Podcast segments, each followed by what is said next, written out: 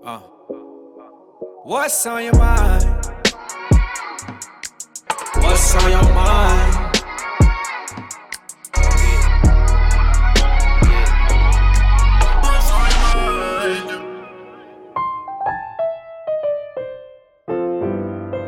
Hai teman cerita, ngomongin soal orang-orang yang berada di garda terdepan dalam penanganan wabah COVID-19 ini, profesi jurnalis termasuk di dalamnya. Karena gini, mereka lah yang selalu memberikan info terupdate kepada masyarakat tentang perkembangan wabah ini sendiri. Nah, kali ini saya akan ngobrol dan mengulik tentang bagaimana pengalaman sahabat saya Eca Pandrita Lopi, seorang jurnalis di kota Makassar yang harus bertugas di tengah wabah corona. Seperti apa obrolan seru kami? Dengerin What's on Your Mind. Tell me, what's on your mind? Assalamualaikum warahmatullahi wabarakatuh. Eh, kali ini spesial banget saya bakalan ngobrol dengan sahabat saya di ujung telepon dan apa ya? Kenapa saya bilang spesial? Karena pekerjaan dia juga yang kalau menurut saya itu belum tentu semua orang bisa lakuin gitu. Hai Eca. Halo. Apa kabar? Ini saya manggilnya Eca aja ya. Iya, alhamdulillah sehat. Lagi di mana sekarang? Ini lagi di posko baru saja hari kebetulan hari ini libur, jadi Hmm. kita lagi baru pulang dari bagi paket sembako buat warga terdampak Oh keren. eh kopi ya bersama teman-teman komunitas jurnalis berbagi. Oke, berarti ini dari komunitas yang membagikan langsung ke masyarakat ya.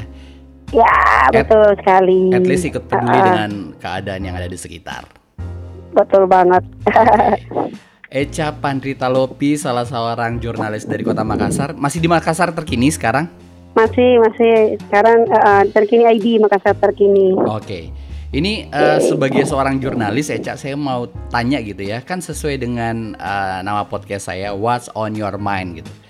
Yang Mm-mm. ada di bayanganmu, yang ada di benakmu saat ini tentang keadaan sekarang tuh seperti apa sih? Kalau keadaan sekarang itu eh, kan kita berada di kondisi yang apa ya tidak pasti ya Mm-mm. karena virus itu eh, nggak nya- nggak nggak nyata nggak lihat nggak kita lihat. Nah eh, selaku jurnalis pun kita eh, orang yang berada di garda terdepan untuk menyampaikan informasi pun ya perlu kehati-hatian juga dan Mm-mm. bukan hanya karena hati-hati dalam menyampaikan data, menyampaikan berita, tapi juga hati-hati terhadap diri kita yang Mm-mm. takutnya kita terpapar corona juga gitu. Jadi kita ini adalah tantangan juga oleh teman-teman dan juga saya. Kebetulan selama pandemi COVID-19 ini saya kebetulan eh, turun terus, Oke. turun terus. Iya, jadi eh, melihat eh, situasi saat ini ya belum ada kepastian, tetapi untuk untuk bisa survive juga ya harus dikembalikan ke diri masing-masing. Iya, gitu. Itu dari dari dari kantor sendiri ada nggak rules yang harus kami ikuti yang sesuai dengan eh, apa ya eh, protokol kesehatan gitu ketika akan bertugas? Ah, kebetulan di kantor saya itu eh, selalu diingatkan kan kantor saya juga awal-awalnya kan kita juga dilibu enggak dibiarkan apa enggak enggak masuk kantor kan kita Oke. kerja dari luar ya Hmm. jadi komunikasi komunikasi kami itu di- lewat uh, Fitcon kemudian Lipia Group Mm-mm. jadi eh, tapi eh, kami juga dan beberapa pimpinan pimpinan redaksi dan teman-teman khusus di kantor saya di Makassar terkini tuh terus meng, apa namanya memotori me- me- memonitor memonitor Ah. kami Ah. khusus saya kebetulan eh, di kantor ada beberapa orang teman-teman itu memang turun ke lapangan karena kan kita kan pengen memastikan juga apalagi eh, misalnya di kondisi PSBB kemarin kan nggak mungkin kan kita mau melaporkan tanpa dilihat secara langsung jadi kami juga disiapkan berupa eh, APD disampaikan juga bagaimana aturan-aturan yang harus kita lalui Hmm. kemudian eh, dari pimpinan kami juga menyampaikan bahwa eh, tetap menjaga kesehatan, Hmm. tetap pokoknya eh, selalu disampaikan ke kami juga Oke. dan dimonitor juga terus dalam bentuk penyampaian informasi yang disampaikan ke khalayak juga tetap Betul. dimonitor. Betul. Iya. Ini kalau kita uh, flashback gitu ya uh, dari karirnya seorang Eca Pandita Lopi gitu kan di jurnalis. Mhm. Awalnya bisa terjun ke dunia jurnalis itu seperti apa sih? Panjang ceritanya ini. apakah apakah nggak sengaja terjebak kemudian cinta atau memang sudah mempersiapkan diri? Sebenarnya dulu kan saya suka nulis puisi. Oke. Ah, terus kebetulan dulu kakak saya itu di pedoman rakyat waktu masih muda juga kakak saya. Mhm. Terus ada kenal beberapa penulis. Kan saya dari SMA kan udah sering uh, aktif nulis. Uh, kemudian ada beberapa kakak-kakak yang sering datang ke rumah temannya kakak saya Mhm. juga sering nulis. Kemudian saya jatuh cinta dengan dunia tulis menulis Oke. karena saya pernah membaca satu tulisan uh, jika ingin dikenal orang maka menulis lah. Betul. Betul banget. Ah, akhirnya eh, kemudian saya eh, masuk kuliah, saya pun gabung di jur- jurnalis kampus. Mhm. Kemudian di bangku kuliah, saya sebenarnya dari ba- bangku SMA sih udah udah udah kerja di media, Oke. walaupun ngirim-ngirim tulisan gitu kan. Kemudian Hmm. masuk kuliah, Mhm. aktif di media kampus, eh, fakultas, jurusan dan universitas. Hmm. Kemudian saya juga udah kerja pada saat itu udah kerja di beberapa eh, di media media umum eh, dan kalau tidak salah 2009 deh saya gabung di Maka- pecinan terkini saya juga pernah di pecinan media Tionghoa kemudian Oke. gabung di Makassar terkini Ah, ah. Oke, ini kalau kita tanya soal pekerjaan, eh, ya semua pekerjaan pasti ada kendalanya gitu kan. Tapi Benar, kalau di jurnalis sendiri, ya seorang perempuan menjadi seorang wartawan atau jurnalis itu bukan hal yang mudah. Apa kendala yang Hmm, pernah betul kamu temui gitu? Eh, sebenarnya gini eh, dulu kan dulu dulu banget ya Mm-mm. boleh kita eh, lihat bahwa wanita apa ya mau jadi bergelut di jurnalistik itu sangat minim ya sangat minim Betul. Ah, Apalagi di apa sih lapangan. yang membuat saya ah, ah, apa sih yang memotivasi saya apalagi kalau kita di lapangan ya misalnya menghadapkan dengan kriminal eh, pokoknya ada bencana Demo. akhirnya eh, iya iya demo dan saya pernah satu hari Ah. eh, kebetulan kan saya kerja di media itu orang tua saya nggak tahu nanti tujuh bulan saya kerja di media orang tua saya tahu saat Oke. dia lihat di, di, di, di, di TV dia lihat di TV kemudian iya dia lihat di TV saya di- ikut pada saat itu mungkin ambil sama gambar TV kali ya Mm-mm. dari telepon saya lihat kamu gitu ya akhirnya ketakutan keluarga itu Mm-mm. eh, gini juga tapi alhamdulillah saya bisa menyampaikan dengan lu- lugas juga ke keluarga bahwa saya baik-baik aja nah yang paling yang paling ditakutkan kalau untuk untuk diri saya sendiri sih itu menuju tantangan ya tantangan Hmm, hmm. tersendiri dalam setiap pekerjaan tetapi bagi keluarga apalagi kan kita perempuan yang paling sering dikeluh, dikeluhkan oleh keluarga itu ketika saya di- dikirim ke beberapa daerah gitu kan Mm. eh, dikirim ke beberapa apalagi perempuan ya kita kan orang Bugis orang perempuan itu kan dijaga banget iya malah dijaga banget malah Tapi- lebih banget. ah, ah, benar jadi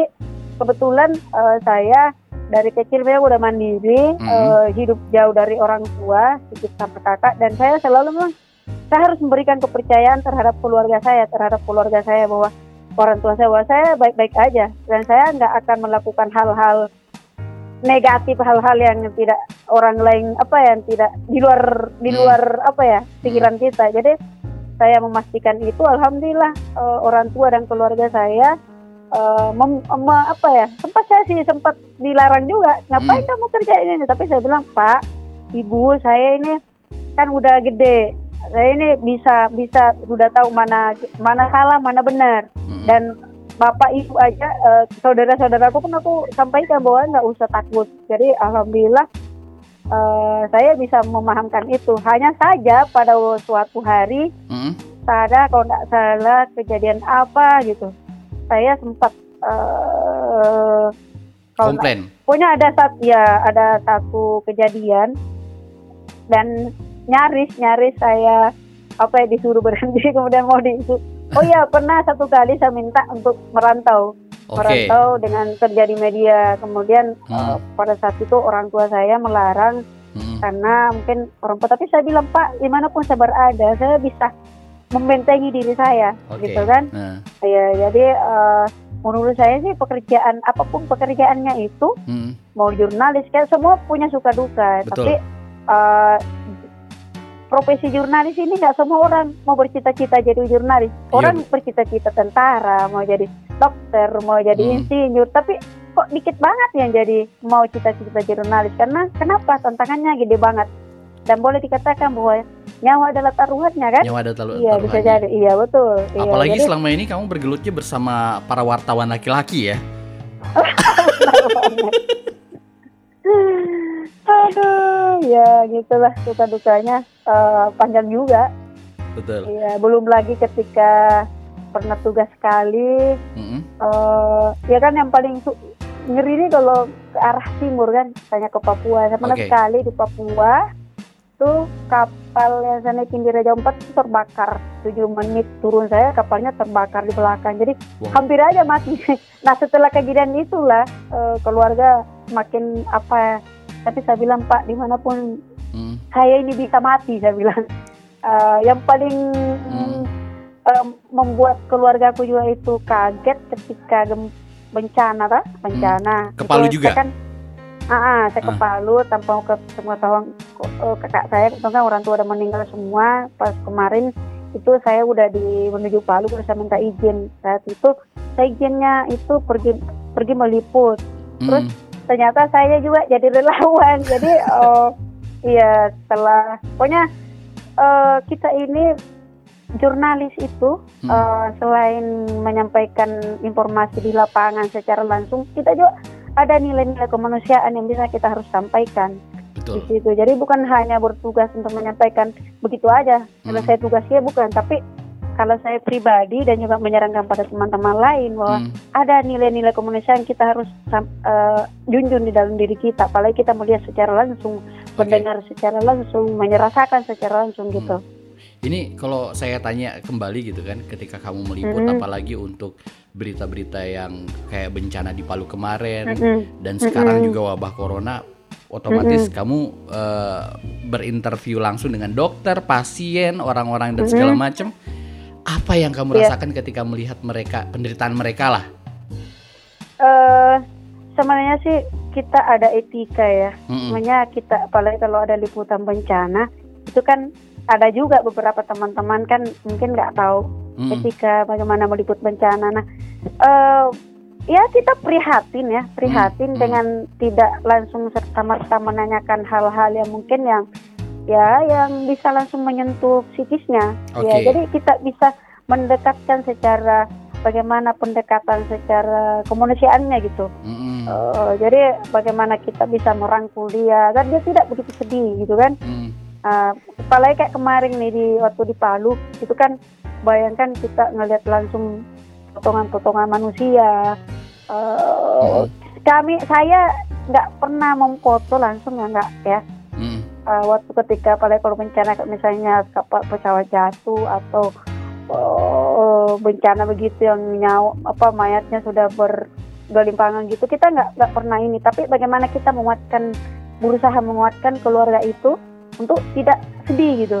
Jadi uh, ada ada juga etika-etika juga yang harus kita ikuti ketika bertanya uh, menanyakan ke keluarga pasien apa keluarga korban gitu. Mm. Kemudian kalau yang di saat situasi pandemi kayak gini Mm. kan sekarang teknologi udah udah udah canggih, Canggih kan banget ah. Heeh. jadi eh, kita gunakan by WhatsApp by phone kalaupun eh, harus masuk ke dalam eh, apa ruang isolasi mungkin kebetulan kan saya ini kan di online Oke. Ah, itu kan kalau ah, kalau online kan nggak mesti harus sampai ke ini. Jadi ki- cuman tapi kita ini harus tetap me- apa namanya memonitor eh, updatein situasi terkini. Mm. Mungkin kalau yang masuk ke dalam isolasi itu seperti yang dilakukan oleh teman-teman di metro itu ada beberapa teman di beberapa stasiun TV itu langsung masuk meminta izin eh, foto apa Ambil gambar ya? Jadi itu Ah. mungkin eh, ambil gambar itu ke- memang kebutuhan sesuai dengan Mm. media kita. Jadi disesuaikan dengan eh, kebutuhan perusahaan kita gitu dapur redaksi masing-masing. Jadi eh, kebut- kalau yang kami lakukan turun langsung itu ya misalnya saat PSBB eh, kemudian melihat eh, keluarganya yang eh, tu- apa yang mungkin eh, terdam apa namanya yang diangkat apa diisolasi apa gitu kita antarkan tapi tetap memakai APD tetap Hmm. mengikuti protap protokol pemerintah Oke. kita APD pakai bahkan kita pakai apa namanya pakai pakai eh, hazmat juga pakai hazmat kadang iya gitu Ini kalau misalnya lagi ngambil berita, apalagi kalau yang Mhm. berbau yang bikin shock gitu ya, Mm-mm. dengan kondisi yang belum kamu pernah lihat sebelumnya dan akhirnya di depan mata kamu seperti gempa kemarin atau pa- Mhm. pandemi sekarang, itu mengganggu nggak di keseharian kamu akhirnya yang kepikiran, membuat kamu stres dan gimana gitu? Eh, sebenarnya sih tergantung ya, Mm-mm. tergantung. Eh, mungkin karena kan jurnalis itu sudah teruji ya, apalagi yang diturunkan di kondisi Lapangan. bencana ya. Ah, ah. Iya di lapangan udah udah teruji lah pastinya. Dan kalau rasa kaget pasti iya. Mungkin ketika saat kayak kemarin saya di Palu itu Mm-mm. diguncang, diguncang enam sekian, kaget juga kan? Loh, Oh kita iya, mati. Iya, kita masih gempa ya kamu di sana ya? Iya, ya kebetulan waktu itu kan eh, saya yang buka ke Sigi itu kan Sigi Hmm, belum ada yang tahu. Hmm, hmm. Saya hari kedua di sana, saya masuk ke Sigi, kaget juga lihat jalannya apa gitu pada saat jalan, tiba-tiba jalannya putus, terbelah gitu kan. Hmm. Itu kan eh, kaget tapi kita tetap nggak nggak usah berlebihan gitu kan. Eh, kagetnya ya kita ya tetap ya minta apa minta yang di atas tadi dilindungi gitu kan Hmm. ya kalau di sit- situasi sekarang eh, di pandemi ini karena ya paling kalau boleh dikata di yang paling yang paling menantang itu di meliput virus ya karena kita nggak lihat Iya, meliput- kita nggak lihat berada ya. di tengah-tengah, apalagi Iya, kalau di, benar. di Jadi- fasilitas kesehatan ya. Iya Wow. betul banget. Iya jadi bukan hanya pada eh, kejadian ko itunya aja, tapi kita tetap memantau seperti apa penanganan pandemi ini oleh pemerintah. Kita juga tetap pantau gitu. Jadi bukan hanya pada pada kepada virusnya aja, tetapi bagaimana penanganan pemerintah terhadap pencegahan eh, penanganan gitu Hmm. kan. Itu juga akan Hmm. tetap menjadi pan- apa jangkauan teman-teman di media. Jadi eh, kalau dibilang kaget, ya itu udah biasa sih Hmm. udah biasa ya apalagi kalau tiba-tiba ada yang baku parah misalnya kan kita iya itu udah biasa udah biasa jadi eh, tapi tetap kita eh, harus apa ya safety keamanan paling utama gitu Oke, kan oke. iya uh-uh. Eh. Nggak ada katanya nyawa tidak ada nyawa se nggak ada berita senyah mahal nyawa gitu Betul. Karena ka- kalian tuh betul-betul berada di garda terdepan mau yang namanya demo. Iya, Kalian tuh berada Iya, di, mau- di di di tengah Betul. sisi antara dua kedua belah pihak gitu iya. ya. kadang kita kena juga balok ada kena lemparan Wow. Oh iya yang paling ngeri juga itu waktu liputan tang bulan September kemarin tuh yang pun- yang di gedung DPRD itu. Hmm. Aduh. Ah, itu kan seru juga itu banyak teman-teman dipukul kan. Tapi Ah. ya sudahlah, kita emang risiko. Udah gitu resiko. kan. Tapi tetap Iya. tetap apa mengembang mengembang eh, tanggung jawab iya, gitu tetap ya. Betul. Iya, kita tetap menyampaikan ke halayak tanpa mau nambah-nambah, tanpa mengurangi itu kan. Nah, Kan enak kan kalau kita lihat langsung, menyaksikan langsung, menyampaikan langsung gitu enak. ini Iya. kalau misalnya saya tanya lagi sama kamu ya, Cak ya. Dari Mhm. sekian banyak dari ribuan orang yang pernah kamu wawancara, men- eh, Mhm. baik itu adalah tokoh masyarakat, pejabat yang menjadi narasumber kamu, yang paling berkesan buat kamu gitu, yang membuat kamu ah pengen lagi deh ngobrol sama sama orang ini gitu. Kalau saya sih eh, kan narasumber itu saya jadikan memang kayak teman ya, Mm-mm, teman. mm-mm. Nah, yang paling berkesan itu yang wawancara eh, program realita, realita yang kalangan menengah ke bawah gitu kan. Oke. Ya, jadi ya jadi kalangan menengah karena ada sisi sisi kemanusiaannya di situ. Oke. Ada ya selain kita menyampaikan eh, berita ke masyarakat, kita juga bisa menjadi jembatan untuk orang mau membantu itu kan. Mm-mm. Ya, eh, kalau dibilang tokoh pejabat ya biasa aja, Oke. biasa aja ya. Ta- tantangannya apa begitu mengejar berita dari dari para pejabat ini kalau buat kamu sendiri? Tantangannya ditolak ya. Ditolak Apalagi kalau sudah berbau sama hal-hal yang kriminal gitu ya. Bakalan di reject abis itu. Tantangannya, tantangannya tantangannya jurnalis itu ketika ditolak narasumber ya. Mm-mm. Tapi kita tidak pernah tidak pernah berhenti tidak pernah berhenti akal untuk putus akalnya untuk cari cari cara untuk mencari narasumber primer dan sekunder ya. Mm-mm. Dan oh ya saya jadi ingat waktu banjir Goa Makassar Oke. itu saya pernah eh, wawancara soal kalau salah tempo hari itu sempat viral banget itu berita sempat eh, eh, kami juga diserang tiga hari tiga malam. Padahal eh, berita yang kami sampaikan itu sesuai dengan hasil wawancara dengan eh, narasumber yang utama yang Hmm. dalam ini kepala pumpengan kalau nggak salah waktu itu. Akhirnya kami dikatakan hoax saya bilang saya punya bukti saya punya rekaman. Jadi eh, satu hal juga yang pengen saya sampaikan ketika kita wawancara sama pejabat sama eh, apa ya apa ada penting adanya namanya ba- barang bukti bukti rekaman. Jadi ketika kita ingin di apa namanya di Ditekan. ketika anak berita ya Ah. ditekan apa kita kan punya buktinya Hmm. gitu. Dan itu teman-teman kemarin di Jakarta aja sempat kalau nggak salah sempat naik teman detik deh kalau nggak salah sampai dicari tahu. Katanya alamatnya apa kiri kan? Jadi itu tantangannya juga buat kita. Itu kalau Eh, jadi eh, hmm, ya kalau sampai diteror seperti itu sebagai wartawan ada saya- ada perlindungan saya- nggak? Iya pastinya lah ada perlindungan Hmm. kita kan dilindungi un- ini kan undang-undang juga. Oke. Jadi eh, kemudian kita bahkan saya sering teror waktu itu kita pernah diteror, eh, pernah juga oh macam-macam lah. Tapi kita berusaha memberikan hak jawab, Hmm. klarifikasi. Kalau misalnya saya menunggu kalau misalnya dia punya klarifikasi kami menunggu kan Hmm. media kan gitu tujuannya kan Hmm. kita nggak pernah kemudian ada kekeliruan karena kan media tuh nggak nggak ada yang host bisa jadi narasumbernya keliru dalam menyampaikan gitu kan Hmm. jadi apalagi kan eh, bentuk rekaman ya kami menyebut jangan sampai bapak keliru dalam menyampaikan Hmm. karena apa yang bapak sampaikan yang kami sudah oh anu kemari tanya kema- kembali tapi kan tetap gitu jawabannya sudah kita menunggu kalau misalnya ada yang merasa dirugikan ya silahkan makanya kami saya itu ketika wawancara apalagi itu dalam bentuk hak yang komplit kita Hmm. harus eh, beri apa ya dua narasumber sampai tiga narasumber karena takutnya ada yang merasa dirugikan jadi makanya harus berimbang gitu Oke. Ini kalau apa namanya eh, kita melihat gitu kan eh, profesi sebagai jurnalis pasti nggak lepas sama hal-hal yang apa ya kalau saya bilang salah satunya ya salah satunya itu adalah ketika ada salah satu pejabat yang mencoba mempressure mungkin dengan memberi suap atau segala macam pernah nggak mengalami hal seperti itu? eh kadang sih cuman kita tetap mengikuti kode etik ya Mm-mm.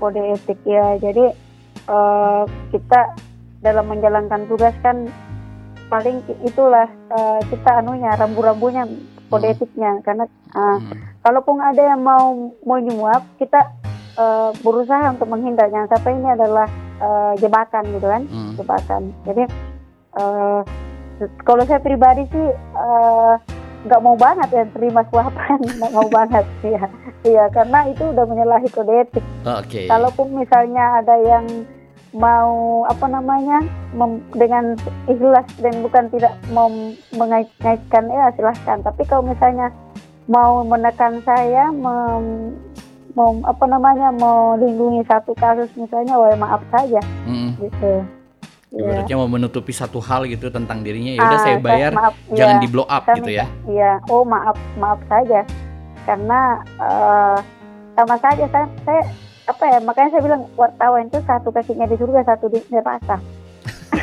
kan iya betul ya, iya Ah. jadi kita bisa oleh kan media itu adalah sumber informasi loh. Mm-mm. Ya apa pun yang dikatakan media itu akan diyakini dia, diyakini oleh orang gitu. Jadi apa pun yang kita sampaikan ya bisa diyakini oleh mata yang membacanya gitu Mm-mm. telinga mendengar mendengarnya. Jadi eh, memang profesi ini ya makanya saya bilang tadi profesi yang sangat menantang. Mm-mm. Tantangannya eh, antara hak dan batin kan? Mm-mm. iya. Betul. Ini Iya. eh, sebagai wartawan ketika ibaratnya kalau ketika ketika berperang gitu ya, Mhm. ba- barang atau senjata apa sih yang harus ada ada kamu bawa gitu? Bawaanmu kayaknya biasanya yang Ah, ransel kayak penuh kalau- banget kayak kalau- lemari. Kalau dulu banget, dulu Eh. banget itu kuat senjatanya wartawan kan pena Hmm. ya, pena Hmm. pulpen. Nah, kalau zaman sekarang ya sekarang udah canggih. Dulu kita harus bawa pulpen, bawa kertas, Mm, bawa rekaman, walkman gitu kan. mm, bawa uh, kamera. Sekarang kan semuanya semuanya one apa uh, one for all gitu kan satu untuk semua ponsel tinggal bawa ponsel lah semuanya udah bisa mm, kita udah bisa ngedit dari ponsel kalau mm. dulu kan kita harus pulang ke kantor ngetik tuh ngetik Iya. di monitor sekarang udah semuanya bisa kerja dari ponsel bisa mengedit dari pon, mengedit foto, mengedit berita dari ponsel bisa di mana saja. Sekarang udah canggih. Jadi kalau sekarang ya senjatanya ya Bismillah, Mm-mm. kemudian lengkapi dengan itu tadi alat alat eh, alat kerja gitu kan. Wah, alat kerjanya. Tuh.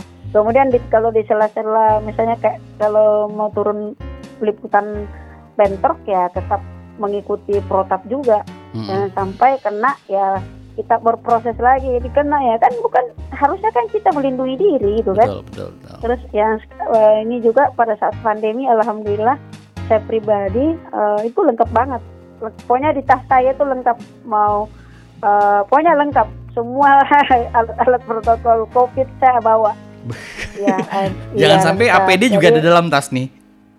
aku punya APD juga Keren, ada keren, keren. ada keren, keren. eh, iya ada pelindung wajah ada Hmm. alhamdulillah banyak yang peduli ternyata mau mengirimkan saya bahkan dari Jakarta kirimkan Mm. ya mereka juga peduli juga terhadap diri saya itu Hmm. jadi saya bilang alhamdulillah. Jadi di saya itu lengkap semua. Ada mau eh, kaos tangan eh, sarung tangan mau Hmm. pokoknya lengkap. Eh, lengkap semua. Dan itu juga kan salah satu cara kita ikut mengkampanyekan juga kan. Mm, ikut betul. memberikan contoh. Apalagi kalau kita liputan kita turun berbagi. Kita harus memberikan contoh juga Mm. pada masyarakat oh seperti ini. Jadi eh, minimal kita dari diri kita dulu lah gitu Oke. Ini perubahan yang kamu rasakan, Cak, eh, saat bertugas dari sebelum COVID ini ada sampai setelah COVID ini mewabah, apa aja sih yang kamu rasakan sebagai seorang wartawan, sebagai seorang jurnalis? ah eh perubahannya itu dulu kan biasa kita ketemu banyak narasumber kan ketemu Bisa nongkrong juga banyak, gitu. ah, ah, bisa ketemu langsung silaturahmi langsung ketemu langsung bisa ngobrol-ngobrol bisa santai-santai gitu. Sekarang kan semua eh, terbatas ya tetapi bukan berarti Mm, terbatas komunikasi. Ka- komunikasi kan nggak mesti harus ketemu ya. Mm, silaturahmi nggak. Tapi eh, ada nilai-nilai tersendiri ketika wawancara langsung. Apalagi misalnya kita wawancara sosok itu kan nggak biasanya kita wawancara by sosok kita nggak bisa lihat mimiknya orang seperti apa. Mm. tapi kan sekarang udah bisa video call ya. Betul. video call. Oh iya video call. Jadi bisa dimanfaatkan seperti itu. Jadi eh, yang saya rasa eh, apa ya lebih kayak mengembal apa ya me- lebih lebih banyak sih hal-hal yang saya bisa ketahui gitu. Mm, mm. Ya, lebih banyak hal-hal yang sebelumnya kayak misalnya kita nggak pernah kita biasanya video conference yang yang kayak dilakukan oleh orang sekarang kita sudah bisa lakukan sendiri Mm, mm. video conference sendiri kita sudah bisa kenal namanya eh, zoom gitu kan Zoom. banyak hal iya kemudian banyak hal-hal istilah-istilah baru dalam dunia kedokteran kita bisa tahu Betul. kemudian iya dan yang terpenting adalah kita lebih lebih perhatian lagi terhadap kesehatan terhadap Betul. Keluarga ya itu yang paling penting banget kita lebih banyak eh, apa ya bermunajat gitu Betul, betul. Ini eh, untuk eh, mungkin eh, apa ya kalau bisa bilang satu keuntungan ya. Hal positif Iya. yang kamu dapatkan selama menjadi seorang jurnalis. Eh, ketemu banyak orang banyak relasi banyak network gitu Bisa dibilang dari dari Sabang sampai Merauke, kalau kamu ke mana aja udah ada teman gitu ya. Ya alhamdulillah kebetulan saya sudah injak sudah injak semua sebenarnya. Dan da- saya, da- saya, eh. saya saya selalu bilang Hmm, bahwa menjadi jurnalis itu jangan hanya me- me- melaksanakan sebagai profesi jurnalis, tapi bagaimana kita kan nggak mungkin jadi jurnalis terus nih. mm, Kita mungkin ke depannya. Jadi sambunglah silaturahmi komunikasimu, mm, networkmu dengan orang-orang yang pernah ketemu. Jadi menjadi jurnalis itu manfaatnya banyak banget ya mm, ya relasinya gede apa luas banget networknya bang, bagus banget. Jadi harus menjaga betul. Makanya ketika berprofesi jadi jurnalis harus menjaga betul profesi kita. Jangan dinodai dengan hal-hal yang ya mungkin ya me, akan banyak kan kejadian-kejadian yang dilakukan teman-teman Mm. oknum ya oknum ya. Jadi ya kita harus menjaga profesi ini. Mm, Allah ke depan terus kita akan ber, ber apa ya bekerja sama mm. mungkin bukan hanya dalam hal profesi kita sebagai selaku jurnalis tapi mungkin di bidang lain gitu alhamdulillah yang saya lakukan itu seperti itu jadi eh, bukan pada saat mau wawancara tapi baru muncul gitu Betul. Saya selalu komunikasi ya, jadi saya selalu mu- komunikasi.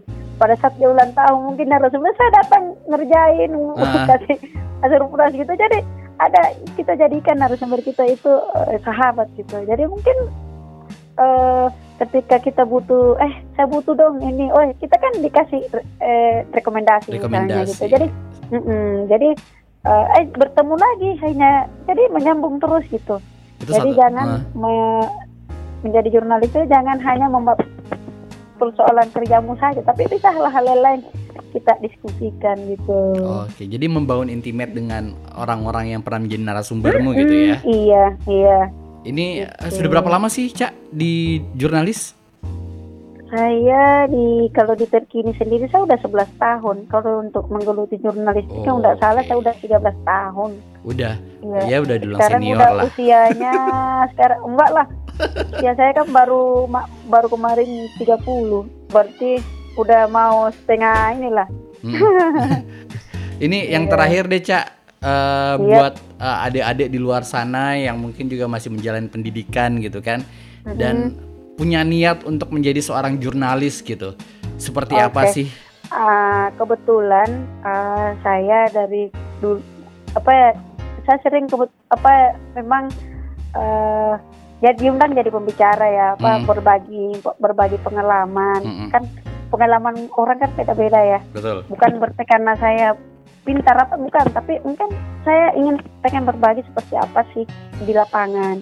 Kemudian teman adik-adik di lembaga pers kampus. Kemudian kebetulan di di kantor kami itu ada namanya citizen report. Jadi orang-orang yang mau belajar jurnalistik kita ganti-gantian. Teman-teman di redaksi gantian. Eh, kita bikin selama selama pandemi ini kita juga lakukan eh, apa belajar jurnalistik via virtual gitu. Eh, terus untuk adik-adik, untuk adik-adik yang di, masih di kampus sama belajar, Mm-mm. itu tadi kita eh, apa per- perbanyak belajar, perbanyak membaca, eh, membaca perbanyak membaca ber- beritanya orang juga Mm-mm. ya harus rajin membaca gitu. Terus Mm. eh, kadang kan kalau di kampus sih kita kan menggobu-gobu Iya. menggobu-gobu sekali kan Ah. awalnya semangatnya luar biasa nggak bisa biar gunung mau ditabrak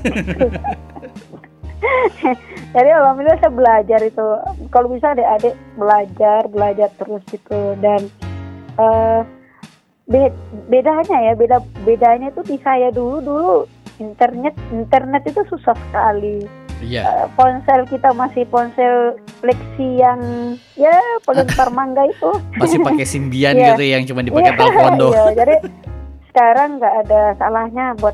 Adik-adik yang mau menggeluti profesi ini satu juga perlu dibutuhkan eh, keberanian ya keberanian karena Mm.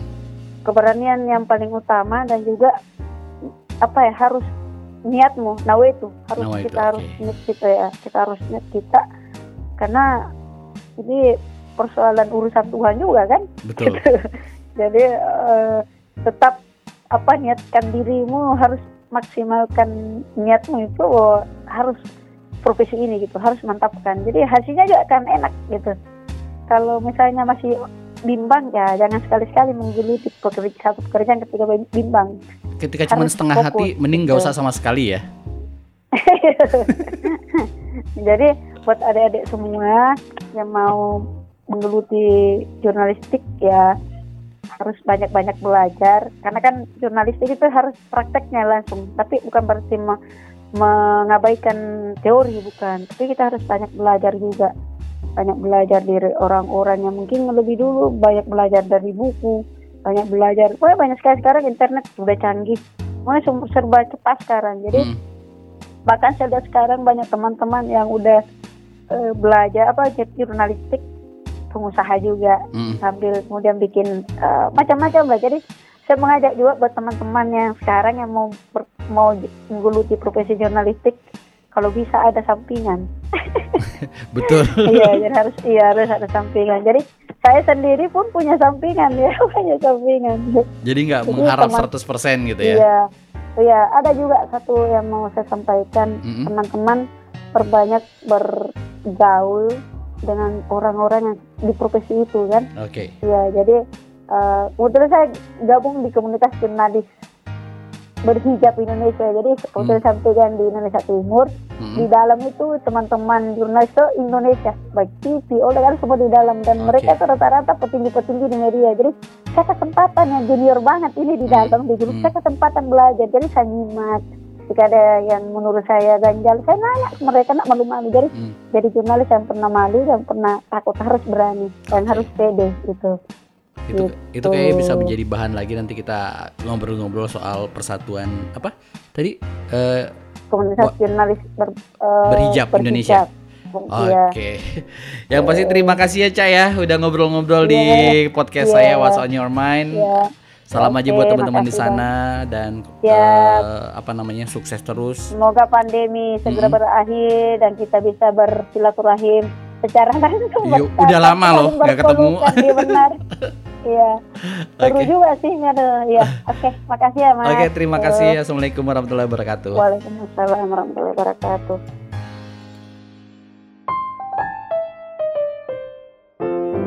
Nah itu tadi obrolan saya dengan sahabat saya Eca Pandita Lopis. Semoga apa yang kami share di sini bisa menjadi inspirasi buat teman-teman juga, apalagi yang ingin terjun ke dunia jurnalis. Terima kasih sudah mendengarkan podcast What's on Your Mind bareng saya Reno Raditya. Sampai jumpa di episode berikutnya.